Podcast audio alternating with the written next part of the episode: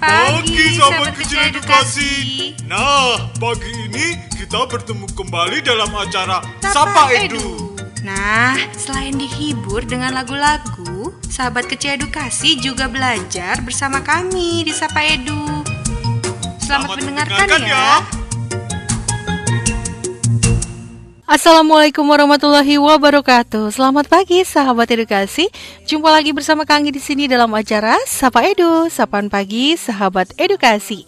Nah, untuk menemani pagi sahabat edukasi, tentunya kalian semua bisa dengarkan terus suara edukasi melalui suaraedukasi.kemdikbud.go.id. Oke, jangan ke mana-mana ya, karena yang satu ini Sapa Edu akan segera kembali. Ya, masih bersama Kang di sini dalam acara Sapa Edu, sahabat kecil edukasi. Bagaimana kabar kalian pagi ini? Mudah-mudahan kalian semua tetap terus semangat ya. Kalian tahu karena semangat juga akan membantu kita semua untuk melakukan berbagai kegiatan setiap harinya. Apalagi sekarang kita mau belajar bersama nih dalam acara Sapa Edu. Jadi harus lebih semangat lagi ya adik-adik semua ya. Oh iya, Kanggi bicara tentang semangat nih. Uh, Eh, kenapa sih gitu ya kalau pagi-pagi itu kita harus semangat terus Kanggi. Nah, karena Kanggi juga mengharapkan ya adik-adik semua yang ada di rumah uh, semangatnya dibantu dengan sarapan juga. Kenapa? Ya tentunya biar sahabat kecil edukasi bisa fokus ya. Karena kan sekarang juga sebagian sudah ada yang mulai belajar di sekolah juga ya walaupun di jamnya ditentukan sama bapak ibu guru. Nah, terus adik-adik juga harus tahu kalau sarapan itu ternyata penting ya, karena uh, untuk sarapan pagi-pagi itu adik-adik nanti bisa lebih fokus untuk belajar gitu ya. Nah sambil mengisi waktu kalian di rumah, yuk ajak bunda juga nih sahabat kecil edukasi untuk membuat kreasi masakan bersama. Nah tema Sapa Edu pagi ini juga akan membahas tentang yang namanya membuat kreasi masakan bergizi bersama bunda. Jadi tetap bersama Sapa Edu ya sahabat edukasi karena setelah yang berikut ini Sapa Edu juga akan berbincang-bincang dengan dokter spesialis, spesialis spesialis ahli gizi gitu ya, uh, yaitu dengan Dokter Yohan Samudra. Nah, untuk kalian yang mau ikutan bergabung, bisa langsung uh, WhatsApp aja nanti ke nomor 081325261440 dan jangan lupa juga dengarkan kami terus melalui laman suaraedukasi.kemdikbud.go.id dan kalian juga bisa ikutan bergabung di live IG kami di @suaraedukasi. Jangan lupa ya sahabat edukasi semua. Kembali bersama Kanggi dalam acara Sapa Edu Ayo adik-adik semua, sudah bangun tidur belum nih? Wah, sudah dong Kanggi Nah, Kanggi mau tanya nih ya adik-adik Pasti adik-adik ada yang sedang sarapan sekarang, ya kan? Terus sarapannya pakai apa sih? Ada yang makan roti nggak? Atau mungkin sarapannya pakai buah-buahan Kanggi Eh, tapi pokoknya apa pun menu sarapan kalian di pagi ini adik-adik Yang penting makanannya harus bergizi ya. Dan tentunya harus dihabiskan nih. Kan sayang kalau nggak dihabiskan makanannya. Kesian loh, bunda juga sudah menyiapkan sarapan untuk kalian. Eh, nggak dihabisin sarapannya. Aduh, sedih deh bundanya. Kalian tahu adik-adik, dari sarapan pagi itu ternyata banyak sekali loh manfaat yang kita dapat. Mau tahu nggak apa aja nih kira-kira manfaatnya kalau kita eh, nggak pernah ketinggalan sarapan pagi? Iya betul sekali. Salah satunya adalah bisa menambah semangat kalian ya. Terus juga belajarnya pun bisa lebih konsentrasi dan tentunya bisa menjaga pola makan kita gitu sahabat edukasi ya. Jadi pagi-pagi kita nggak kelihatan lemes karena sudah sarapan. Nah biar adik-adik tambah semangat lagi pastinya Kang ingatkan kembali, ikutan bergabung yuk bersama Sapa Edu kali ini dan kalian bisa langsung WhatsApp aja ke nomor 0813 2526 1440. Dan di sini tentunya kalian juga boleh request lagu kesukaan, boleh berbagi cerita menarik dan tentunya boleh juga loh kalian mau titip-titip salam atau mau uh, titip-titip pesan sama teman-teman atau ibu guru udah lama nggak ketemu gitu kan ya. Dan juga untuk keluarga tersayang boleh ya. Jadi tentunya tetap simak terus suara edukasi.kemdikbud.go.id jangan lupa ya sahabat kecil edukasi Wah senangnya ya adik-adik. Di pagi ini kita bisa ketemu lagi dalam acara Sapa Edu nih. Dan ngomong-ngomong tentang yang namanya makanan bergizi Adik-adik tuh udah tahu belum sih makanan apa aja ya yang termasuk makanan bergizi? Ayo ada yang tahu nggak nih? Iya betul sekali. Jadi makanan bergizi terdiri dari makanan pokok ya. Yaitu ada apa? Ada nasi, terus juga ada jagung, ada roti, dan juga ubi-ubian. Nah, kemudian ada lauk pauknya juga. Misalnya seperti apa, yo? Ada telur ya, terus ada dagingnya, atau mungkin ikan, atau bisa pilih lagi pakai ayam boleh, atau tempe tahu juga boleh ya.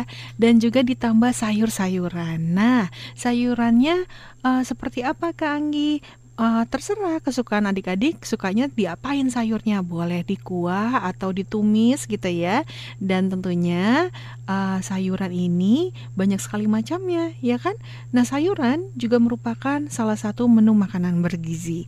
Karena dalam sayuran mengandung banyak sekali vitamin yang dibutuhkan oleh tubuh kita adik-adik. Nah jenis vitaminnya pun macam-macam ya. Ada yang misalnya dari vitamin A itu terdapat dari apa? Ada yang tahu nggak Iya betul dari wortel ya dan baik sekali untuk mata kita. Nah kemudian ada juga bayam, ada sawi juga, ada kangkung dan masih banyak lagi deh ya macam sayuran yang bisa kalian coba nanti di rumah dibuat menjadi kreasi masakan bersama bunda ya. Nah jangan lupa juga minum susunya sahabat kecil edukasi. Nah, kalau misalnya Kanggi boleh tahu pagi ini adik-adik udah minum susu semua belum? Sudah dong ya? Oke, nanti kita lanjut lagi ngobrol-ngobrolnya dan tentunya kami ingatkan untuk adik-adik semua yang mau ikutan bergabung bisa langsung aja WhatsApp kami di 081325261440. Ya kembali bersama Kanggi di sini dalam acara Sapa Edu dan pastinya hanya di Suara Edukasi Akrab dan Mencerdaskan. Sahabat edukasi membuat kreasi masakan bersama Bunda memang sangat mengasihkan ya. Tapi perlu diingat enggak hanya rasa dan juga bentuknya aja yang enak dan menarik, perlu juga memperhatikan gizi dan uh, kreasi masakan yang kalian buat bersama Bunda itu harus sehat gitu ya. Nah, saat ini kami sudah terhubung dengan dokter gizi yaitu ada dokter Yohan Samudra. Halo, selamat pagi, Dok. Selamat pagi, Kanggi. Ya, bisa minta tolong memperkenalkan diri terlebih dahulu, Dok, kepada sahabat edukasi. Ya, baik. Nama saya Dr. Yohan Samudra, spesialis gizi klinis. Uh -huh. Ya, nanti uh, saya juga bekerja berpraktik di daerah Tangerang, lalu juga telemedicine dan edukasi online seperti ini dengan Kak Anggi. Iya. Gitu. Bicara tentang kreasi masakan di rumah nih dok, apalagi ya. di masa atau di tengah pandemi COVID-19 ini, pastinya Bunda tuh agak sedikit uh, apa ya butuh masukan gitu ya menu-menu sehat apa aja nih gitu ya. Nah ada sedikit pertanyaan juga, uh, pertanyaan titipan dari bunda-bunda. Ini mengapa penting memberikan makanan bergizi sih pada anak, dok? Ya, nah kalau kita bicara gizi, kalau kita tahunya kan gizi itu kan untuk bikin kita sehat. Iya. Nah, tapi ternyata kalau untuk anak tidak hanya buat sehat aja, mm-hmm. tetapi juga untuk pertumbuhan dan perkembangannya. Kan kita tahu anak-anak masih tumbuh, masih perlu perkembangan dari sistem-sistem uh, motoriknya, sistem mm-hmm. tubuhnya gitu. Jadi selain untuk gizi itu untuk nutrisinya, hmm. juga untuk ketahanannya terhadap infeksi, penyakit-penyakit lainnya gitu. Kemudian untuk pertumbuhannya uh, tidak hanya tinggi, tetapi pertumbuhan dari organ-organ lainnya kan masih ber, masih bertumbuh ya. Yeah. Kemudian perkembangan dari otaknya sendiri, terutama perkembangan mentalnya. Itu gizi dibutuhkan. Jadi uh, nanti ke depannya juga akan uh, berpengaruh terhadap performanya sama produktivitasnya saat sekolah dan pekerjaan nanti gitu. Jadi penting sekali untuk mulai dari anak itu udah kita pikirkan gizinya. Iya, jadi makanan bergizi itu sangat dibutuhkan anak, apalagi untuk anak-anak usia uh, balita gitu ya dok ya, untuk perkembangan hmm, sejak mulai dia gitu ya. makan ya, ya. sejak iya. mulai.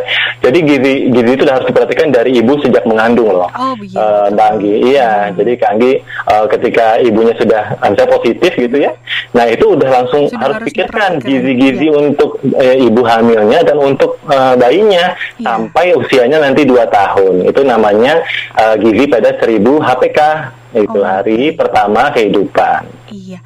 Nah, bayi mulai dikenalkan makanan itu uh, usia berapa sih, Dok? Sebenarnya uh, jika lebih cepat itu bagaimana? Ya, jadi uh, ketika bayi-bayi, jadi gini, kita ngomongin gizi dulu sebentar ya. Iya. Kenapa gizi itu penting? Karena di seluruh dunia, termasuk di Indonesia juga ternyata ada dua masalah besar dari gizi. Iya. Kita kan tahu nih, Kang, Anggi sering dengarnya itu adalah gizi buruk, gizi buruk gitu ya. Bahwa gizi buruk itu tinggi sekali ya di Indonesia itu bisa 30 persennya dari riset Indonesia itu eh, semuanya adalah eh, stunting namanya. Uh, jadi artinya ada terjadi malnutrisi atau gizi buruk yang uh, berjalan lama sehingga pertumbuhan dan perkembangannya pun terganggu gitu. Iya. Nah, sementara yang uh, gizi masalah gizi kedua adalah obesitas. Jadi uh, anak-anak yang obes di dunia pun juga banyak di tahun 2016 itu ada 41 juta anak di seluruh dunia itu obesitas. Jadi kan lucu ya uh, bertolak belakang gitu antara ada yang gizi buruk banyak, ada yang obesitas banyak. Nah, obesitas juga berbahaya karena bisa uh, bikin dia uh, pertama aktivitasnya jadi menurun ketika waktu pada saat masih anak-anaknya. Kemudian pada saat dewasanya gampang sekali jadi obes lagi gitu. Dan terkena penyakit-penyakit sindrom metabolik. Nah pengenalan makan itu harus di uh, harus dikenalkan sesuai dengan waktunya jenisnya pun sesuai dengan uh, usianya uh, kemudian jangan sampai telat jangan sampai uh, terlalu cepat gitu jadi ada panduan-panduan khususnya jadi untuk pengenalan pertama uh, anak diberikan makan yaitu mulai dari enam bulan, bulan. usia enam bulan. Nah, apa terjadi kalau misalnya uh, lebih cepat aja dok? Kayaknya anaknya pengen kelihatannya pengen uh, makan deh dok gitu ya. Kalau bunda-bunda kan sering ada asumsi-asumsi tersendiri gitu ya. Nah, itu tetap harus hati-hati karena di bawah enam bulan jika langsung dikasih makan, kemungkinan infeksinya tinggi, bisa diare. Karena kan kita mulai kasih makanan yang diolah gitu ya. Higienitasnya juga harus sangat diperhatikan. Nah, karena sistemnya masih belum terlalu kuat uh, pada saat di usia di bawah enam bulan, maka kemungkinan-kemungkinan infeksi, diare dan uh, lain-lain juga uh, besar. Kemudian risiko tersedak juga cukup tinggi gitu karena uh, proses menel- menelannya juga masih belum uh, 100% gitu. Kemudian satu lagi kalau udah diberikan makan asinya jadi menurun. Misalnya uh, dia mulai kenyang gitu dengan pemberian makan yang terlalu cepat asinya menurun. Padahal ASI ini penting banget, isinya ada antibodi, ada enzimnya, ada nutrisi yang cukup buat anak sejak lahir sampai usia enam bulan. Iya, jadi si bayi Gitu. udah kenyang duluan gitu ya, Dok ya. Asinya jadi berkurang. Betul. Iya. Nah, yang terjadi kalau terlambat nih, Hmm. gini, kalau terlambat memberikan makannya lebih dari enam bulan, nanti Hmm. sulit untuk membentuk pola makannya ke depannya, gitu. Hmm. Baik, jadi sebaiknya di untuk uh, awal mula gitu ya perkenalan makanan kepada bayi dok, baiknya dikasih makanan jenis apa ya dok? Ya, jadi gini, eh, sejak eh, bayi baru lahir kan itu pemberiannya ASI, ASI eksklusif ya, dari 0 sampai 6 bulan, kemudian dilanjutkan sampai 2 tahun, ya. Nah, mulai 6 bulan, boleh nih kita tambahkan eh, makanan pendamping ASI, Iya. gitu. Dari mulai 6 bulan kita bisa berikan bentuk yang eh, lunak dulu, jadi yang lembut seperti pure atau misalnya eh, mash gitu. Mhm. Uh, kita bikin seperti kayak bubur saring gitu, Kanggi, terus kemu- uh, jadi bubur, terus dicampur dengan lauk pauknya, terus lalu disaring gitu. Oke. Nah itu bisa. Nah tapi perhatikan komposisinya yang penting, Bah, karena uh, anak-anak sejak mulai enam bulan itu sudah harus dimasuk, mas apa dicampurkan dengan seluruh uh, lauk pauknya yang berisi hewani dan nabati Protein ya dok ya? Protein dari hewani dan nabati harus uh, seimbang. Jadi kadang-kadang banyak kan uh, bunda-bunda yang um, pertama kali memberikannya pisang dulu aja Ya, buah. gitu. Hmm. Kan, Ya buah dulu aja, pisang aja dulu, pisang dulu aja gitu. Nah itu ternyata nggak cukup untuk memenuhi kebutuhan uh, makronutrien dan mikronutrien dari bayi. Oke. Makronutrien itu adalah karbohidrat, protein dan lemak gitu. Nah tiga-tiganya harus masuk. Kemudian yang mikronutrien baru vitamin dan mineral. Jadi yang enam bulan itu harus sudah masuk ke dalamnya, ke dalam purenya, ke dalam bubur saringnya, udah masuk itu bisa dicampur telur, bisa dicampur daging, udang gitu. Nanti dipot, dihaluskan, dilembutkan. Nah itu pemberian makan dari umur yang yang usia enam bulan jangan banyak-banyak, cukup satu sam- satu kali aja sehari dulu lalu Dicoba dulu diberi gitu ya dok ya. ya dicoba dulu Eh, bisa kasih tiga sendok aja Mhm. boleh jangan banyak banyak lalu kemudian eh, paling setengah mangkok lah gitu Mhm. karena selanjutnya kan masih asi Iya, gitu asinya masih lebih banyak Mhm. di usia enam bulan iya. Nah, kita lanjut ya ke Iya. usia selanjutnya ke usia 8 bulan kita Mhm. bisa tambahkan tekstur. Jadi teksturnya lebih kasar, Agak kasar ya. agak kasar. Anak-anak juga udah mulai dilatih finger food gitu ya. Dia bisa kita potong-potongkan uh, buah atau misalnya sosis gitu dengan tetap memperhatikan bahwa protein lemaknya itu harus ikut masuk. Jadi jangan uh, mindsetnya jangan buah terus buah terus gitu ya. Iya. Nah, kemudian eh, lanjut ke usia satu tahun sampai tahun. dua Mhm. tahun. Mhm. Nah, satu tahun udah mulai nih dibo- boleh diberikan makanan keluarga. Jadi kita nggak perlu khusus buat eh, buat anak eh, untuk memasak khusus buat anak nggak perlu. Mhm. Cuman tentu disesuaikan apakah rasanya jangan terlalu pedas, jangan terlalu asam misalnya Iya. gitu. Misalnya gitu. Jadi rasanya Nanti- harus yang original dulu gitu ya dok, jangan ditambah-tambah pakai penyedap atau yang lainnya ya. Ya boleh sih, cuman dikit-dikit aja, karena kan Mhm. eh, masih tetap ada proses pengenalan rasa Iya. gitu. Nanti baru deh usia 2 tahun ke atas, Mhm. baru kita eh, makan seperti biasa tiga kali sehari dengan snacknya jangan lupa dua kali sehari, Mhm. lalu baru di, eh, ditambahkan buah secara khusus. Jadi buahnya itu Mhm. usia 2 tahun udah bisa makan satu eh, satu, Satu cup buah ya? buah, Mhm. satu cup satu cup ya Oh satu satu cup oke. buah sama satu cup sayur. Oke. Nanti ditingkatkan usianya nanti usianya 4 tahun Mhm. bisa jadi dua cup. Nanti usianya sampai belasan tahun ya sampai di bawah 18 tahun itu itu bisa sampai tiga cup. Baik. Gitu. Dan uh, untuk pola makan anak nih dok, yang baiknya itu seperti Hmm. apa ya? Nah pola makan anak eh, dari dari IDAI ya Mhm. cara memberikan makan pola makan yang pertama harus teratur. Harus teratur jadi jamnya harus teratur. Ini penting sekali karena kita bisa melatih respon lapar dan kenyangnya anak gitu. Jadi anak bisa dilatih eh, jam segini dia mulai merasa lapar gitu ya. Kalau berantakan nanti respon itu nggak nggak ini nggak nggak timbul gitu. Kemudian eh, jadi tiga kali satu pola makannya tiga kali sehari dengan snacknya dua kali sehari, lalu asi sesuai dengan eh, kemauan bayinya. Iya. Kemudian eh, apa namanya yang kedua? Jadi pertama eh, pola makannya adalah terjadwal. Yang kedua adalah bikin lingkungan yang kondusif. Anak itu kadang-kadang nggak mau makan gara-gara rumahnya itu eh, berisik aja gitu. Banyak yang sibuk gitu ya, eh, banyak yang waroiri gitu. Eh, jadi itu juga bisa mengganggu eh, apa makannya anak gitu. Jadi bikin suasana yang kondusif. Kemudian ada yang namanya responsive feeding, artinya eh, kita dengan sabar eh, mengajarkan anak ya awalnya disuapin dulu, lalu kemudian dilatih dia untuk ngambil sendiri makanannya.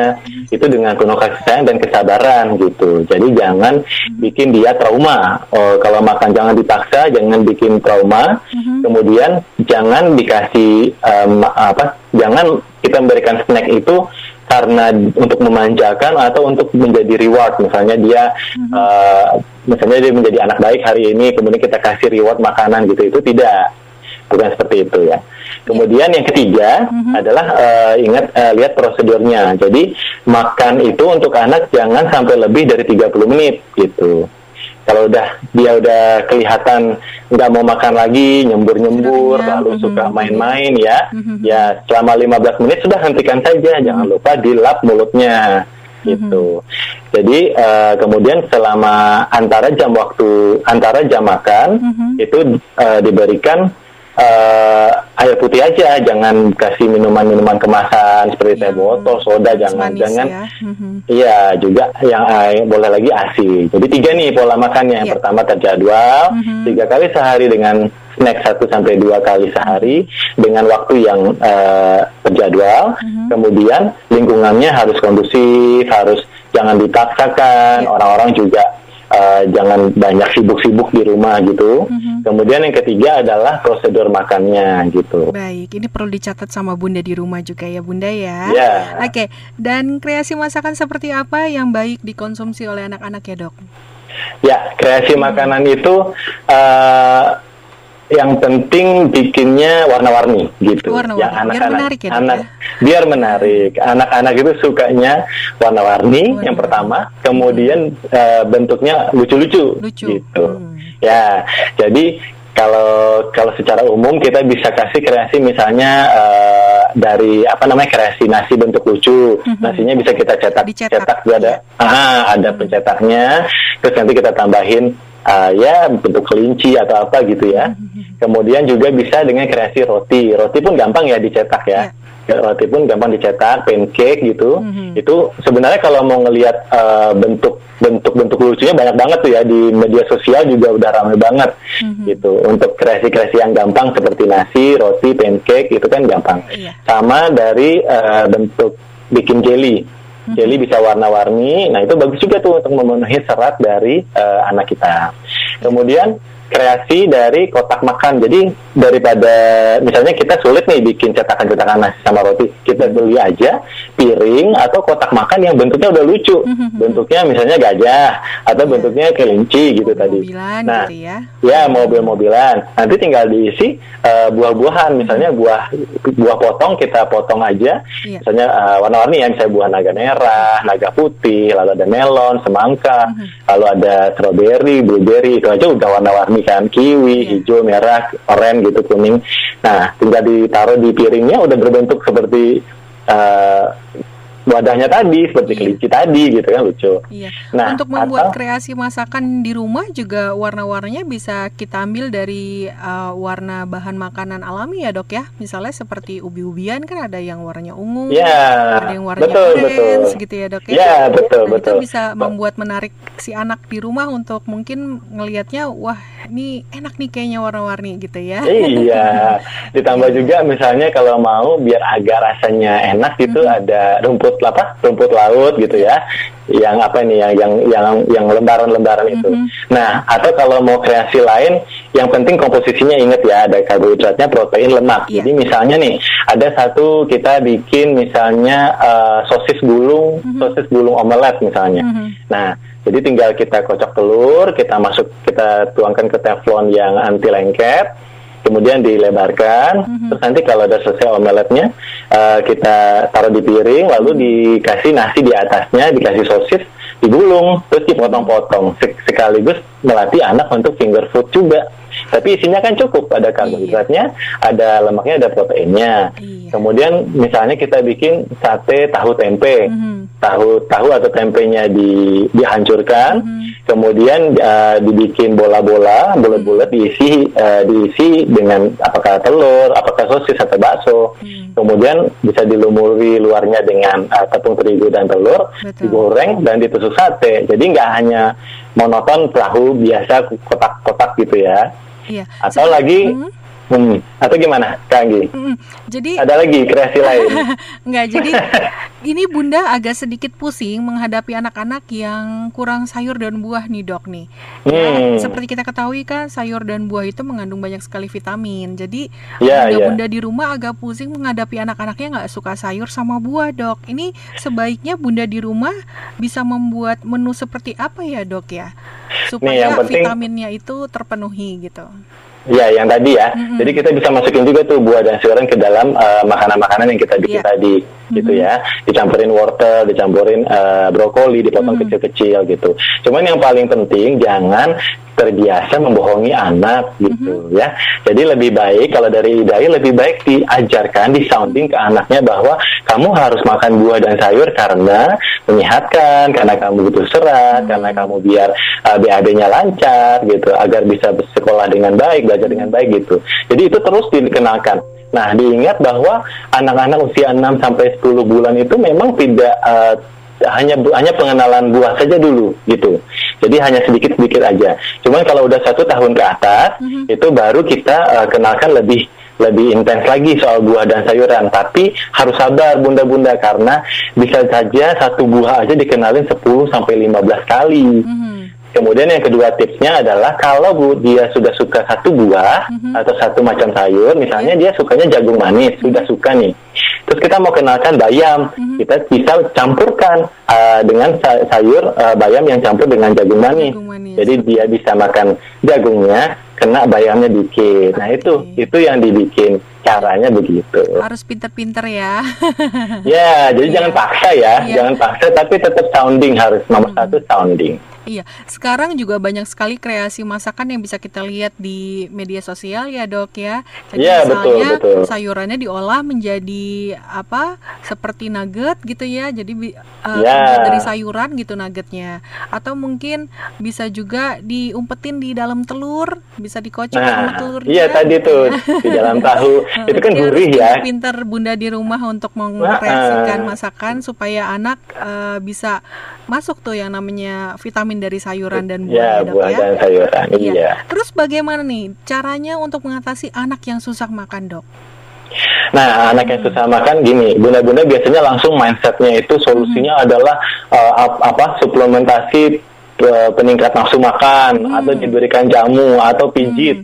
Nah, hati-hati jamu pijit itu bisa bikin trauma anak. Dia malah jadinya malah nggak mau makan Takut lagi karena ya. ada ya takut malah atau malah dikasih susu formula aja deh gitu. Nah, susu formula ini karena cuma rasanya sama, jadi eh, lebih sulit nantinya kita mulai memberikan eh, apa namanya merangsang eh, anak supaya suka dengan berbagai macam rasa gitu. Jadi itu juga tidak baik. Jadi tipsnya adalah yang pertama harus eh, pertama lihat dulu ya kalau misalnya dia susah makan lihat dulu apakah ada gangguan mekanik, misalnya gangguan dia mengunyah, apakah dia ada tangkai atau eh, lidahnya juga bermasalah atau kelainan organik. Kemudian eh, apakah ada gangguan interaksi tadi antara bunda yang nyuapin dengan atau lingkungan sekitarnya gitu. Itu juga harus dilihat bahwa eh, lingkungannya udah kondusif belum, udah tenang belum gitu. Mhm. Ada paksaan apa enggak sebelumnya. Jadi jangan trauma, kemudian jangan sambil main sebenarnya. Jadi eh, IDAI, eh, jadi Ikatan Dokter Anak Indonesia juga menyarankan agar anak jika makan itu walaupun makan snack pun duduk di kursi makan. Jadi jangan sambil main, jangan sambil nonton gitu Jadi sebenarnya. fokus ya. Fokus makannya. ya. Kemudian satu lagi, lihat dulu apakah teksturnya terlalu cepat naik. Iya. Jadi anaknya belum sempat apa beradaptasi, kita udah bikin lebih kasar lagi, lebih kasar lagi gitu. Lalu ya balik lagi ke tadi yang ke jadwal. Kemudian eh, jangan ada snack sebelum jam makan karena anaknya jadi kenyang duluan sebelum mau makan udah dikasih macam-macam. Terus yang penting lagi harus kompak orang tuanya. Kalau misalnya bundanya bilang jangan kasih snack untuk sebelum makan ayahnya jangan ngasih snack gitu. Nanti anaknya ya, iya. nanti anaknya pergi ke ayahnya ayahnya langsung ngeluarin coklat supaya nggak nangis. Nah itu Tapi harus tidak kompak. dipungkiri itu dok banyak uh, ayah bunda gitu di rumah untuk mancing anak yang mau makan ya dikasih yang manis-manis dulu misalnya nanti ayah kasih coklat atau nanti bunda kasih hadiah gitu. Nah, iya, Aha. itu yang itu yang dihindari yang namanya eh, makan eh, diberikan snack karena reward itu Aha. itu sebaiknya tidak usah. Bisa bilang saja kalau makan kamu akan sehat. Jadi lebih kepada apa ya kepada faktanya gitu. Eh, kamu makan biar kamu berenergi, biar Iya. kamu nggak cepet capek, nggak cepet sakit untuk bisa apa main sama teman-teman gitu. Nah dok ini untuk susah makan hanya mau minum susu misalnya atau mungkin mau makan cuma dua sendok aja. Apakah pola makan seperti ini sudah mencukup, eh, mencukupi kebutuhan si kecil di rumah dok? Nah, dilihat dari usianya ya. Ya. Jadi kebutuhan kalori itu uh, berbagai berbeda-beda dari usianya. Jadi ada enam bulan, 8 bulan, satu tahun itu semakin meningkat tuh kebutuhan energinya. Iya. Cuma kalau dilihat dari komposisi tadi ada susu, ada ada nasi ya sedikit ya, makan nasi dengan lauk pauk sedikit dengan susu. Jika lauk pauknya seimbang, misalnya ada ada digoreng atau ada proteinnya juga. Kalau uh, porsinya cukup, sebenarnya cukup itu, gitu. Ada susunya, ada uh, nasi sama lauk pauknya, Ya. ditambah buah dan sayuran. Tapi lihat itu usia berapa dulu gitu. Oke. Kalau usia kalau usianya semakin besar tentu tidak cukup. Nanti itu dihitung dulu. Oke, dihitung baik. dulu berapa ya sehari. Ya, untuk pemberian suplemen vitamin dok, eh, Hmm. kalau untuk anak nih, setiap hari itu baik nggak sih dok? Sebenarnya, pemberian vitamin dan ya pemberian vitamin itu tidak jika tidak ada keperluan Mhm. eh, maksudnya gini jika memang tidak terbukti eh, anaknya kurang vitamin Ya. maka itu tidak direkomendasikan pemberian vitamin sebenarnya yang pertama kemudian eh, kalau misalnya eh, jadi dari WHO pun sama IDAI tidak ada rekomendasi untuk pemberian vitamin memang ada eh, vitamin tertentu seperti vitamin A, D, sama zinc gitu besi itu eh, disarankan diberikan, tetapi harus dilihat dulu apakah memang kekurangan atau eh, negara-negara yang terdampak yang seperti apa. Kemudian nih eh, kita sekarang lagi pandemi juga, jadi eh, dari dari panduan untuk eh, apa vitamin tambahan vitamin untuk anak di masa pandemi memang ada disarankannya dok eh, disarankannya eh, vitamin A, C sama D Ya. gitu. Nah itu bisa diberikan si dosis eh, standar aja, Hmm. tetapi eh, jadi jangan terlalu langsung dosis-dosis tinggi itu nggak usah, nggak perlu. Oke, nah terakhir nih ya dok, mungkin ada pesan untuk bunda-bunda di rumah agar selalu bisa menyiapkan hidangan bergizi di rumah, itu sebaiknya bagaimana dok? Mm. Oke ya, buat bunda-bunda Mhm. eh, penting sekali untuk menyiapkan, eh, menyediakan gizi baik untuk eh, anak maupun untuk kita sendiri gitu. Jadi yang paling baik itu adalah eh, makan yang dimasak adalah masakan rumahan. Jadi masakan rumahan itu kita bisa takar sendiri garam dan gulanya berapa, kemudian pemakaian minyak gorengnya itu berapa kali, jangan sampai yang hitam-hitam gitu ya. Iya. Nah, ini penting sekali apalagi untuk anak bahwa eh, bunda harus bisa, maksudnya bunda eh, eh, apa namanya, memang repot sedikit, tetapi sangat berguna untuk investasi jangka panjang si anak dan orang tuanya sendiri. Jadi eh, apa namanya, karena per- perkembangan anak itu nggak hanya tumbuh besar aja, tetapi otaknya juga. Jadi kalau gizinya kurang, bisa mengganggu perkembangan otaknya nanti. Jadi dia bisa mudah sakit, lalu tidak apa namanya mengikuti sekolah mengikuti pelajaran jadi lebih sulit bahkan sampai eh, berdampak kepada pekerjaannya ketika dia dewasa nanti dan eh, siklusnya balik lagi ketika dia anak kita perempuan nanti hamilnya jadi masalah lagi gitu ya. Mhm.